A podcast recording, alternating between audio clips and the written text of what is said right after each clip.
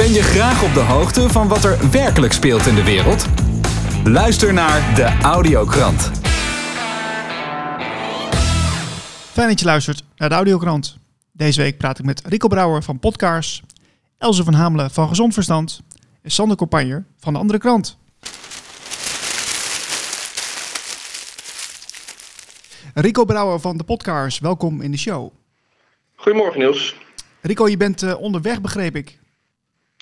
Onderweg? Nee, dat valt wel mee. Ik uh, ben gewoon thuis. Oh, je bent nog thuis? Oh, oké. Okay. Ik ja. dacht dat jij bij een rechtszaak uh, zat. Nee, oh, ja, nee. Daar hadden we het net in het voorbesprek over. Er is op dit moment, maar ja, niet als jij het uitzendt, maar op dit moment op donderdagochtend 10 uur, uh, start er een rechtszaak tegen de mondkapjes van Stichting Bewust Nederland. En ik zie dat er is een livestream die wordt verzorgd door de, door de rechtbank zelf. En ik, ik ga daar naar kijken. Alleen jij gaat natuurlijk voor, Niels. Dus we gaan nu eerst jouw uh, weekverslag even opnemen. Ja, nee, heel goed, heel goed. Heel fijn dat ik een keer een voorkeursbehandeling heb, dus dat is lekker. Um, ja, nee, altijd. Ja, uh, ja want ja, ja, ik zie jou natuurlijk uh, op de social media flink bezig door heel het land, zoals, gewoonlijk. Um, kun, kun, je vertellen wat je het afgelopen week gedaan hebt? Ja, nou, het, het, het is... Ehm, de afgelopen week was ik bij Dennis Spaanstra op bezoek. Dat is eigenlijk het spannendste wat ik afgelopen week gedaan heb. Uh, Dennis is de man die Police for Freedom naar Nederland bracht. En daar de marsen mee organiseert komende zaterdag ook. Dit is meteen mijn oproep. Iedereen, kom naar Apeldoorn. Daar is een Police for Freedom mars. Ik vraag het niet alleen voor Dennis. Ik vraag dat ook voor uh, een spandoek wat ik zelf heb gemaakt en aan iemand ga geven. Waarop staat uh, journalisten voor vrijheid, vrijheid voor Julian Assange. Dus er gaat een, uh, een banner meelopen uh, voor Assange. Dat is het ene ding. Mm-hmm. Ik zou het leuk vinden als iedereen erachteraan gaat lopen. Zeker journalisten. Zeker mainstream media journalisten zijn ook welkom. Uh, bij deze nog een keer uitgenodigd. Okay. Maar ook de Ukes for Freedom. Je kent het wel. Het orkest met ukuleles gaat een, een liedje wat ik heb geschreven daar filmen. Dat wordt dan een deel van een videoclip. Oh, leuk. Daar wil ik het over hebben. Ja. Superleuk. Ja. Ik zal een stukje voor je spelen zometeen. Maar eerst even echt nieuwsdingetjes. Dus ik was bij Dennis, want hij is, hij is geluidsengineer. Ik ga het in zijn studio opnemen. We zijn bezig een echte studio opgenomen versie van dat liedje te maken. Daar was ik mee bezig. Maar mijn nieuws deze week is uh, wat de buitenparlementaire onderzoekscommissie overkwam met YouTube. Ik heb het met jou wel vaker gehad over censuur. Ja. Pieter Kuit kreeg van YouTube een bericht waarin stond: je account is opgeschort van overheidswegen. Dat betekent dat YouTube accounts uitzet omdat de Nederlandse staat dat verzoekt. Ja, ik heb het gezien. Het nou, is, dat, vind ik, dat vind ik nogal wat. Tot nu toe is dat altijd ontkend dat dat ook maar een, uh, zou, zou kunnen spelen. Uh, maar het gebeurt gewoon. En het gebeurt gewoon in open, open daglicht. Ja, en ik heb ook begrepen dat, is... dat, dat, het YouTube-kanaal weer, weer actief is, hè? want het is, het is weer teruggedraaid. Nou, dit is het ding. Ze werden uit de lucht gegooid. Ze wisten niet waarom. Ze sommeren op, op, op last van een rechtszaak die dag gewoon meteen. Van uh, zet het weer terug. En waarom heb je het uitgezet? YouTube zegt ja, we hebben het uitgezet van de overheidswegen. Wie heeft dat gevraagd dan? Uh, vraagt uh, BPOC. En dat zegt YouTube niet. En nou gaan ze naar de rechter om YouTube dat te dwingen, te, te vertellen wie dit gevraagd heeft. Dit is het ding, hè? In 2019 al heeft Kajsa Ollongren, onze minister van Binnenlandse Zaken, de Tweede Kamer erover geïnformeerd dat zij uh, censuur gaat uitbesteden aan Big Tech. Ja. Ze zei het niet met die woorden, ik zei het met die woorden in 2019 toen ik haar verslag las. Kajsa Ollongren uh, is op haar manier de strijd aangegaan met um, ja, eerlijke nieuwsgaring. En nou, nu zien we wat daarvan komt. YouTube zet accounts uit op verzoek van de Nederlandse overheid. Ja, dus het, is, dus het gaat iets verder dan een commerciële instelling, zoals het altijd wordt gezegd, hè? Ja, het is, gewoon, het is gewoon de uitvoeringsorgaan van de Nederlandse overheid. Censuur wordt uitgevoerd door het commerciële bedrijfsleven. Dat is wat we hier uh, geleerd hebben. Ja, dat is uh, heftig. En wat, uh, wat ja, jij volgt het natuurlijk al langer. wat, wat, wat, wat betekent dit nou dan? Dit betekent dat. Ik begon niet voor niks met Assange. Mensen weten dat verhaal niet meer zo goed. Het is alweer tien jaar geleden begonnen. Uh, er is ook wel wat aan de hand waarschijnlijk. Waar rook is, is vuur. Dat is het enige wat mensen weten van Assange. Wat ze zich moeten realiseren dan, is dat hij min of meer in zijn eentje de oorlogsmisdaden van de Verenigde Staten in het daglicht heeft, uh, in het zonnetje heeft gezet. Uh, tien jaar geleden. En um, daar werd hij voor vervolgd. Toen werd, er nog wel, werd daar nog wel aandacht aan gegeven in de pers. Mm -hmm. Ook in de Nederlandse media. Nu helemaal niks meer. Er is geen enkele media-aandacht voor de zaak van Assange, ook niet voor zijn uitleveringszaak, uh, die afgelopen uh, jaar speelde. En niemand komt voor die man op. Dat betekent, als je dus je nek uitsteekt, dan ga je de gevangenis in. En, uh, en zelfs de Nederlandse journalisten doen daar niks mee. Nou, hier is censuur door de Nederlandse overheid op BPOC, uitgevoerd door YouTube. En hebben de Nederlandse journalisten daar al iets over gezegd? Of de Nederlandse politici? Dat is het belang van dit ding. Het, wordt, uh, het krijgt geen aandacht. Censuur is ingeburgerd. We, we vinden het kennelijk oké okay en we gaan weer een YouTube-filmpje kijken. Nou, dat vind ik super belangrijk. Ja. Ja, nee, helemaal een punt. Ik, ik, ik, vraag hem soms een beetje naar de bekende weg voor jou misschien. Maar er zijn heel veel mensen die naar deze podcast luisteren. Die denken van, nou, uh, hoe zit het dan precies? Dus dan vraag ik jou eventjes naar de uh, zogenaamde bekende weg.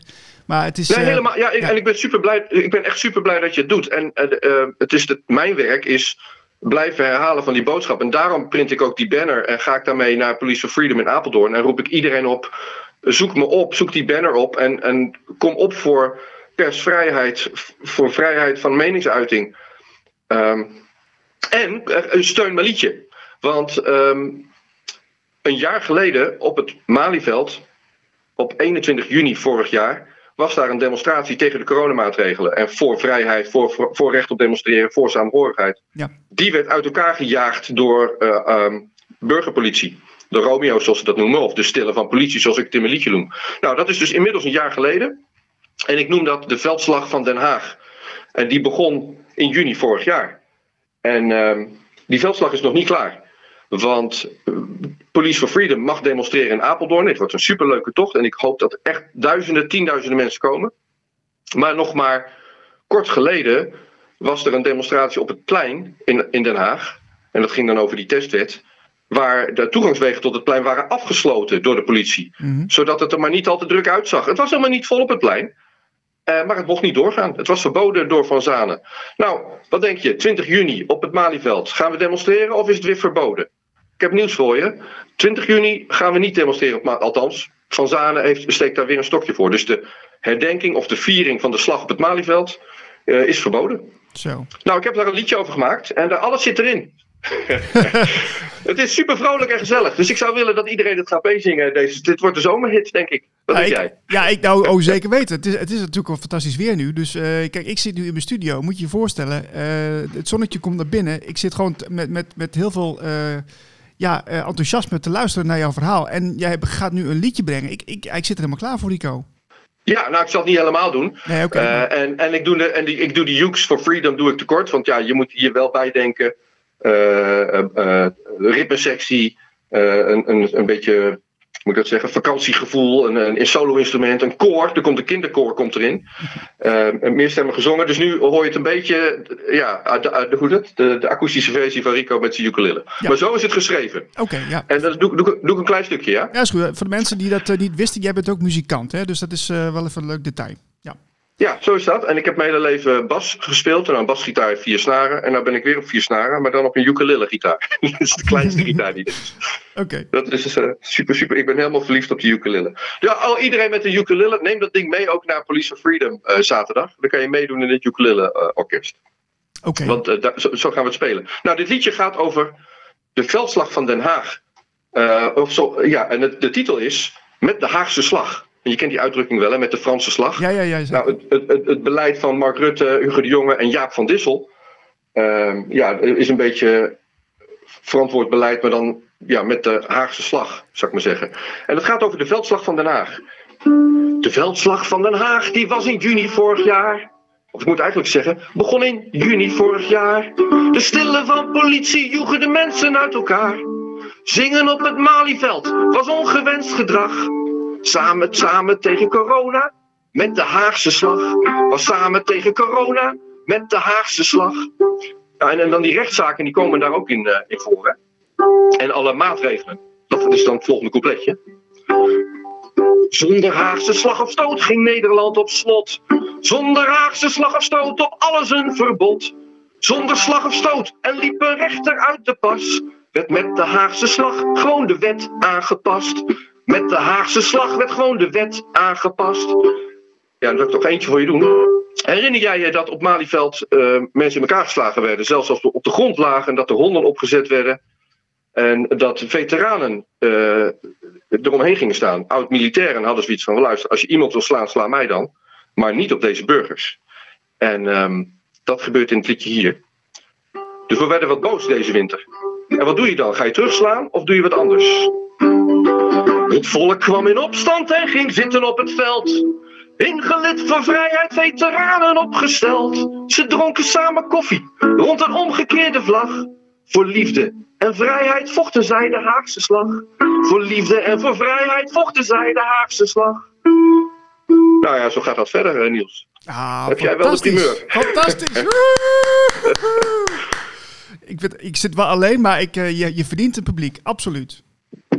Nou, en wat ik zou willen is dat iedereen die dit hoort, en eh 20 juni gaan we dat dan uitbrengen, of 21 juni, op de herdenking van eh, de veldslag van Den Haag. Ik zou willen dat iedereen dit liedje deelt in zijn kanalen. En eh, het zal niet op de radio komen, maar laat iedereen het horen, eh, behalve de disjocks op de radio dan. En zij mogen het ook draaien. Maar ja, in goede Nederlandse traditie waarin de overheid je censureert, verwacht ik niet dat eh Slans radiozenders dit airplay gaan geven. Maar dat laat, de, laat dat de burgers niet weerhouden, zou ik zeggen.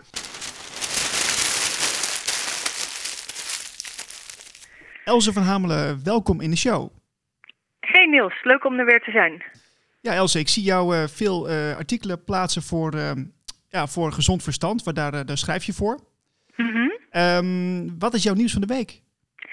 Nou, mijn nieuws van de week gaat over een artikel over wat er aan de hand is in India. En dat heb ik al een paar weken geleden geschreven, maar het is best relevant. Maar het werd, gisteren kwam het weer eventjes naar voren en geeft ook weer een beetje invalshoek over nou ja, hoe hier met alternatief nieuws wordt omgegaan. Dus eigenlijk twee stukjes nieuws. Dus het ene van ja, het gebrek aan debat dat er eigenlijk is en eh, het andere van wat er aan de hand is in India.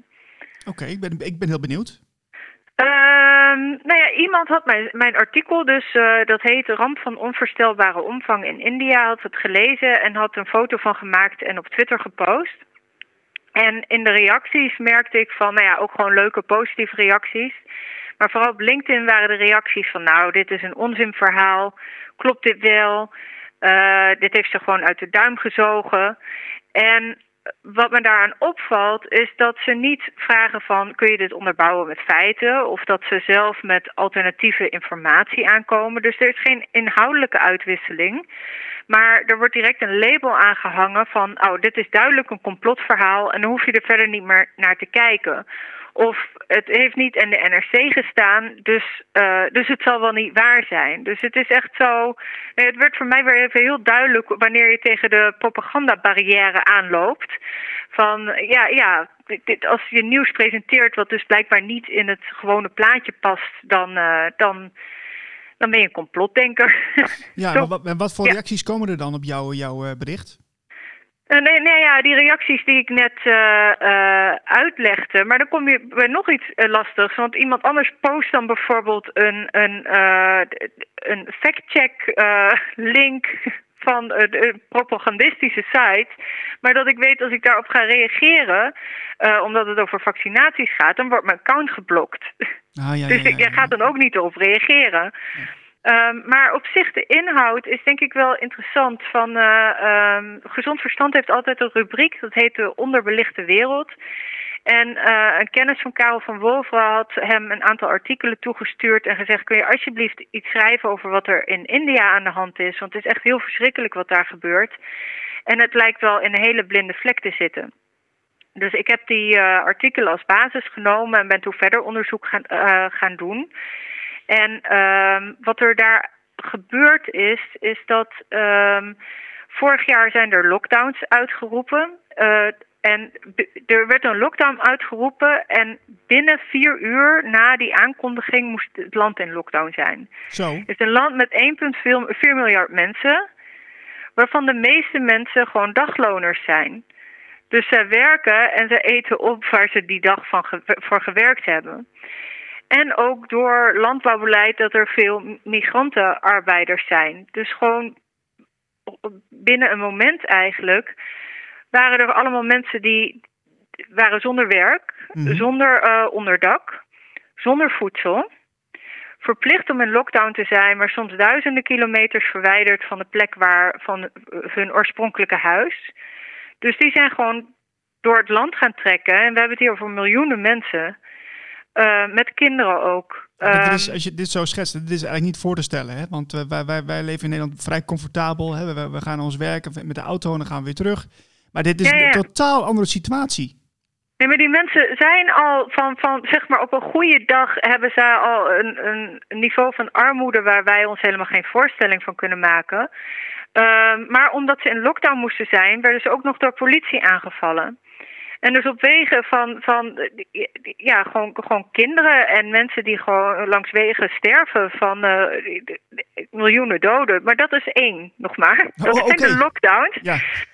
Vervolgens um, uh, via het WEF en ook uh, Gates uh, funding. En Gates heeft dan weer een, um, een ingang bij Modi. Maar de, ze proberen heel lang het India te openen voor neoliberaal beleid. Dus het openen voor de wereldmarkt. En dat is afgelopen najaar gelukt met een drietal wetten, waardoor het makkelijker is om land op te kopen, met prijzen te speculeren. En um, bijvoorbeeld door graanprijzen heel laag te zetten, kunnen boeren er niet meer van rondkomen. En omdat ze dan in de schulden raken, gaan ze hun uh, land verkopen. Oh ja. Maar het is dus van die 1,4 miljard mensen, is meer van, dan de helft van die mensen is afhankelijk van inkomsten uit de landbouw. Uh, nou ja, er zitten nog wat andere aspecten aan dit beleid, maar daar zou ik dan nu niet uh, in detail op ingaan. Maar het komt er gewoon eigenlijk op neer dat je gewoon voor meer dan een half miljard mensen hun, hun inkomen, hun bestaanszekerheid op de tocht zet. Uh, oh ja, want er waren ook heel beperkt trouwens uh, subsidies, landbouwsubsidies. Er is druk op gezet om die in te korten. Mhm. En ze hebben um, een systeem waarbij ze uh, ja, voedsel opslaan en in noodtoestanden dus uitdelen. Maar eigenlijk alle, alle beveiliging, zeg maar, om, om te zorgen dat die bevolking ja, gewoon bestaanszekerheid uh, blijft houden, uh, worden op die manier weggetrokken. Um, dus dat komt nog bovenop het COVID-verhaal. Er zijn ook gewoon hele grote boerenprotesten geweest. Uh, um, ik had eigenlijk het cijfer 6 miljoen boeren waren in opstand gekomen. Hebben, hebben spoorwegen en wegen geblokkeerd en bezet. Ik weet niet precies hoe dat nu op dit moment is. Um, maar vreemd genoeg, tijdens, dus, uh, tijdens deze opstanden, tijdens dat, dat uh, die migrantenarbeiders uh, zijn gaan rondtrekken, zijn er geen grote COVID-uitbraken geweest.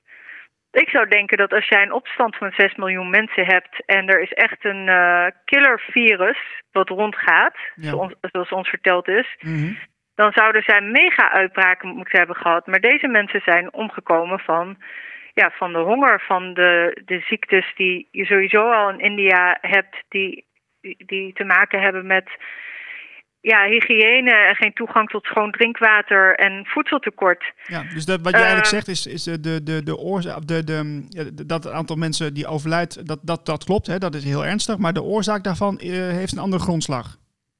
Ja, ja, ja. Je hebt de, de, de, de, de COVID staat daar niet in uh, top 10 van overlijdensoorzaken. En bij ons trouwens ook niet. En wat komt er dan nog bovenop? Is dat, uh, even kijken hoor, ergens in, ik denk zo rond oktober, zijn ze gestart met het toedienen van ivermectine. Uh, dus oktober 2020. En vanaf toen zijn dus de COVID-gevallen gestaag afgenomen. De COVID-doden. Mm, Oké.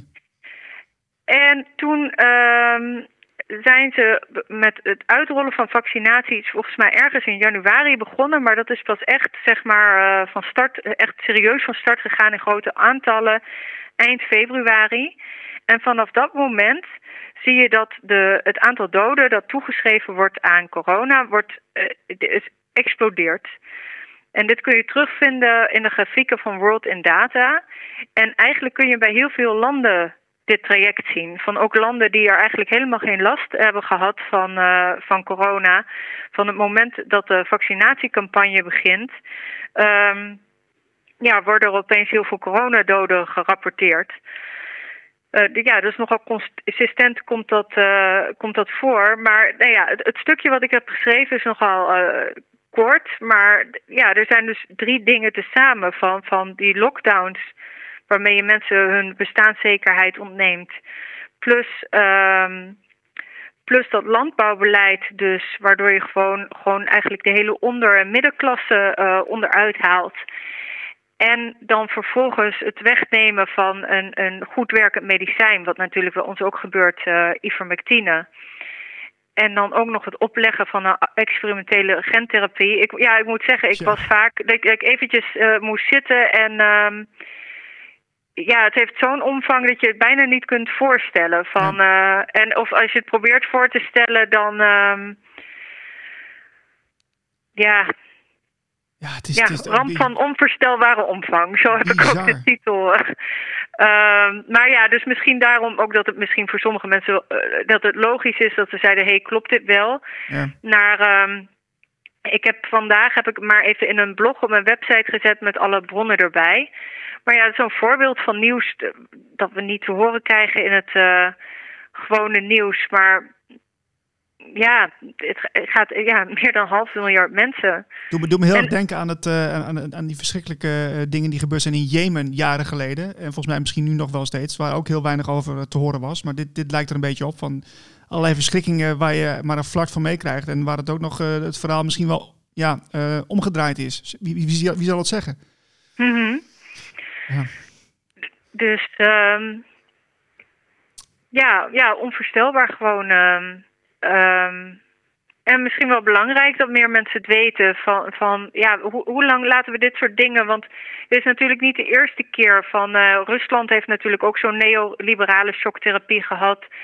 Uh, Gates heeft met zijn AGRA, ik weet even niet waar het voor staat, maar dat is ook zo'n uh, zo'n zo'n agricultural foundation. Hebben ze dit soort beleid in, in uh, Afrika doorgevoerd? Er zijn ook dit soort projecten in uh, Zuid-Amerika. En, en in, met NAFTA is het in Mexico gebeurd, maar het is gewoon heel consistent. Het verhaal is van ja, de vrije markt, daar wordt iedereen rijk van. Maar uiteindelijk wordt alles overgeheveld naar ja, een paar groot grondbezitters of corporation. En de rest zit in schuldslavernij. Um, en vooral bij, bij, bij dat soort landen waar ja, mensen gewoon heel laag inkomen hebben, um, die hebben dan gewoon geen geld om te eten. En dan moet de overheid moet vervolgens op de wereldmarkt moeten ze geld gaan lenen om dan uh, voeding op te kopen. Um, of wat er dan wat er ook in die landen dan gebeurde is van ja, gewone granen om zichzelf te onderhouden, dat kunnen ze dan niet meer, uh, niet meer doen. Dus dan gaan ze uh, groenten en fruit uh, telen die ze bijvoorbeeld naar landen als Nederland kunnen exporteren, want daar verdienen ze net wat meer mee. Mm -hmm. um, ja, maar uiteindelijk ja, je ontneemt gewoon hele grote hoeveelheden mensen hun bestaansrecht. En waarvoor? Voor de markt. Het is gewoon totaal. Uh, we zijn toe aan een nieuw systeem. Else, dank voor je tijd. De, de, het artikel is te lezen op jouw website, hè? elsevanhamelen.eu. Ja. Sander Compagnier van de andere krant, welkom in de show. Hoi Niels. Sander, wat leuk je weer te spreken.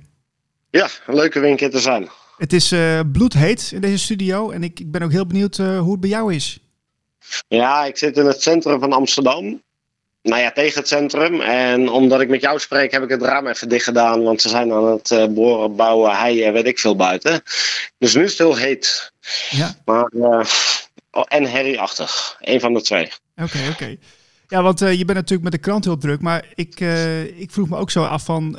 Hoe zie jij eigenlijk de, de nabije toekomst? Want heel veel mensen zitten in een soort van ontspannen sfeer. Hosanna-sfeer. We mogen weer naar buiten. Alles gaat weer open. wat, wat denk jij daarvan? Ja, iedereen is blij toch? Vanaf 23 mei mag iedereen met zijn app en zijn vaccinatie festivals binnenlopen.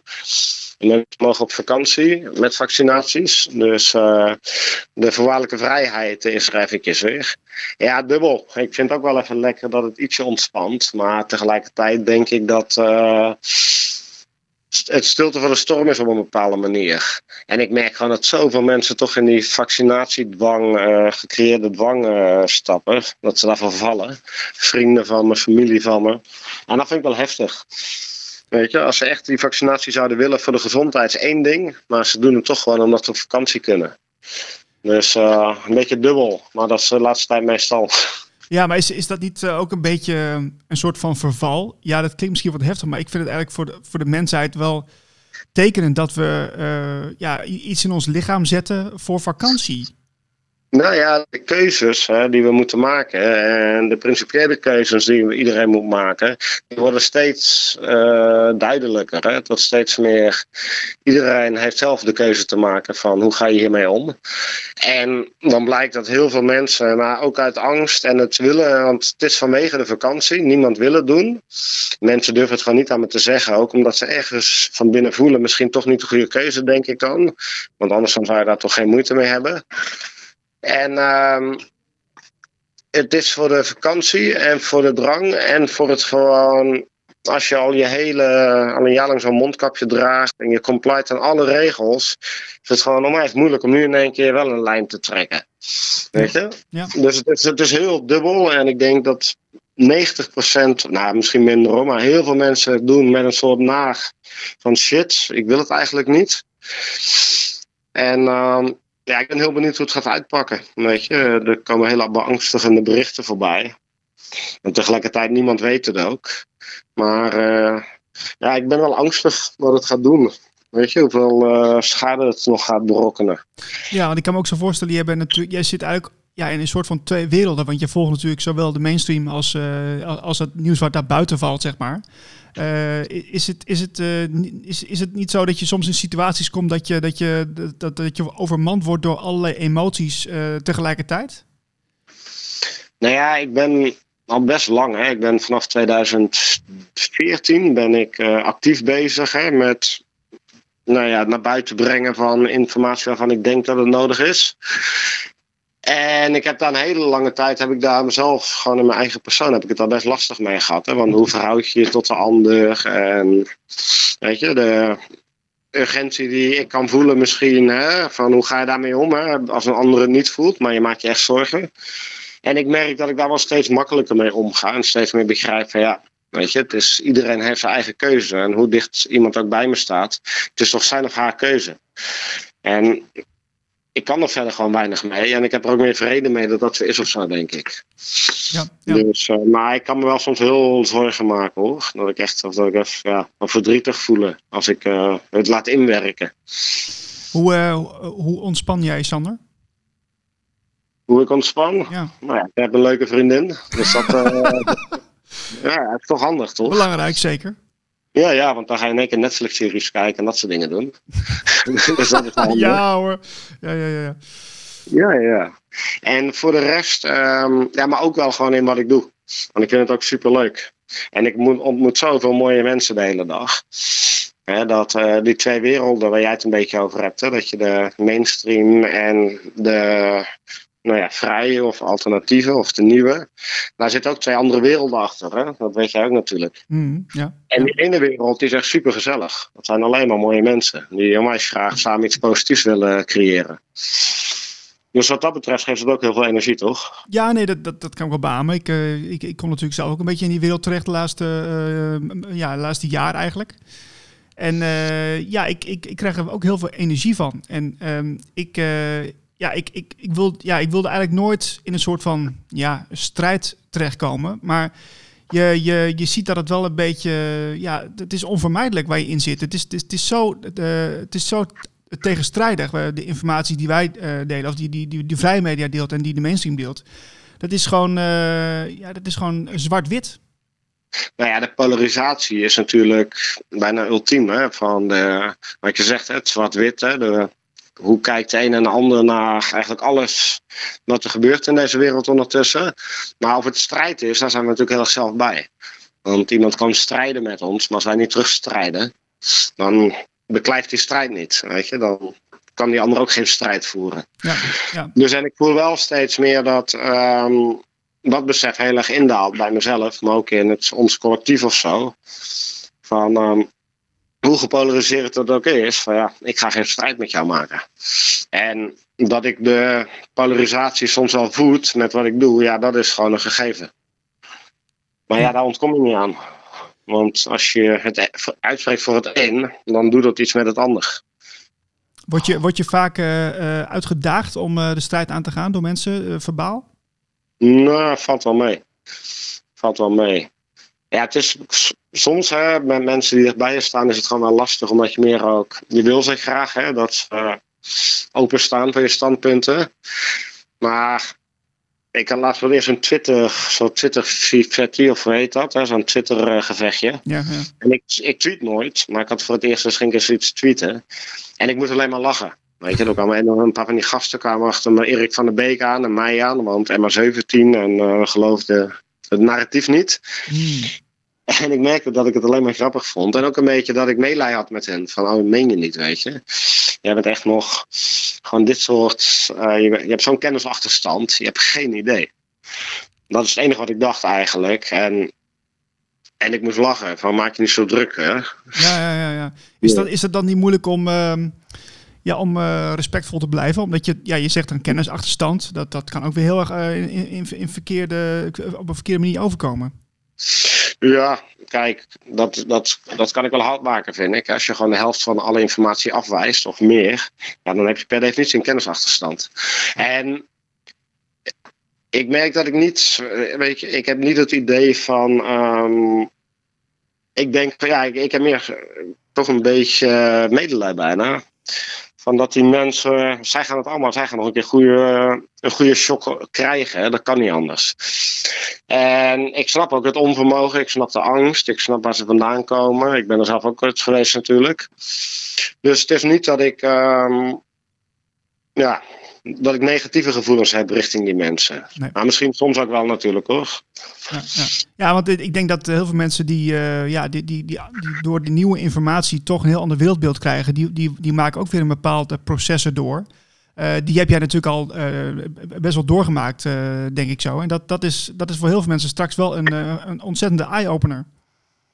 Ja, en het vraagt natuurlijk een hele flexibele geest om nog een keer je hele wereld nou ja, je weet het, hè, je, alles, je hele wereldbeeld uh, opzij te kunnen zetten en opnieuw naar te kunnen gaan kijken. En ik denk dat we voor al die mensen, dat we ook uh, straks moeten zorgen dat ze een zachte landing krijgen. Weet je, dat is ook onze taak. Ja. Dus dat, die, dat we een beetje correlatie, steun en correlatie gaan geven. Voor, voor iedereen die in één keer ontdekt van hoe die grotesk voorgelogen is de hele tijd. Ja, en hoe, hoe, uh, hoe, hoe gaat een zachte landing eruit zien volgens jou? Nou, dat is opvangen toch? Ja, nee, dus gewoon, gewoon vanuit liefde en compassie. Ja, dat. Ja, ja, ja. ja dat, uh, uiteindelijk toch dat, inderdaad. Ja, ja. En uh, heb je nog een laatste tip voor mensen die, uh, die vandaag, of, of eigenlijk ja, kort geleden wakker zijn geworden? Wat, wat, wat zou je ze aanraden?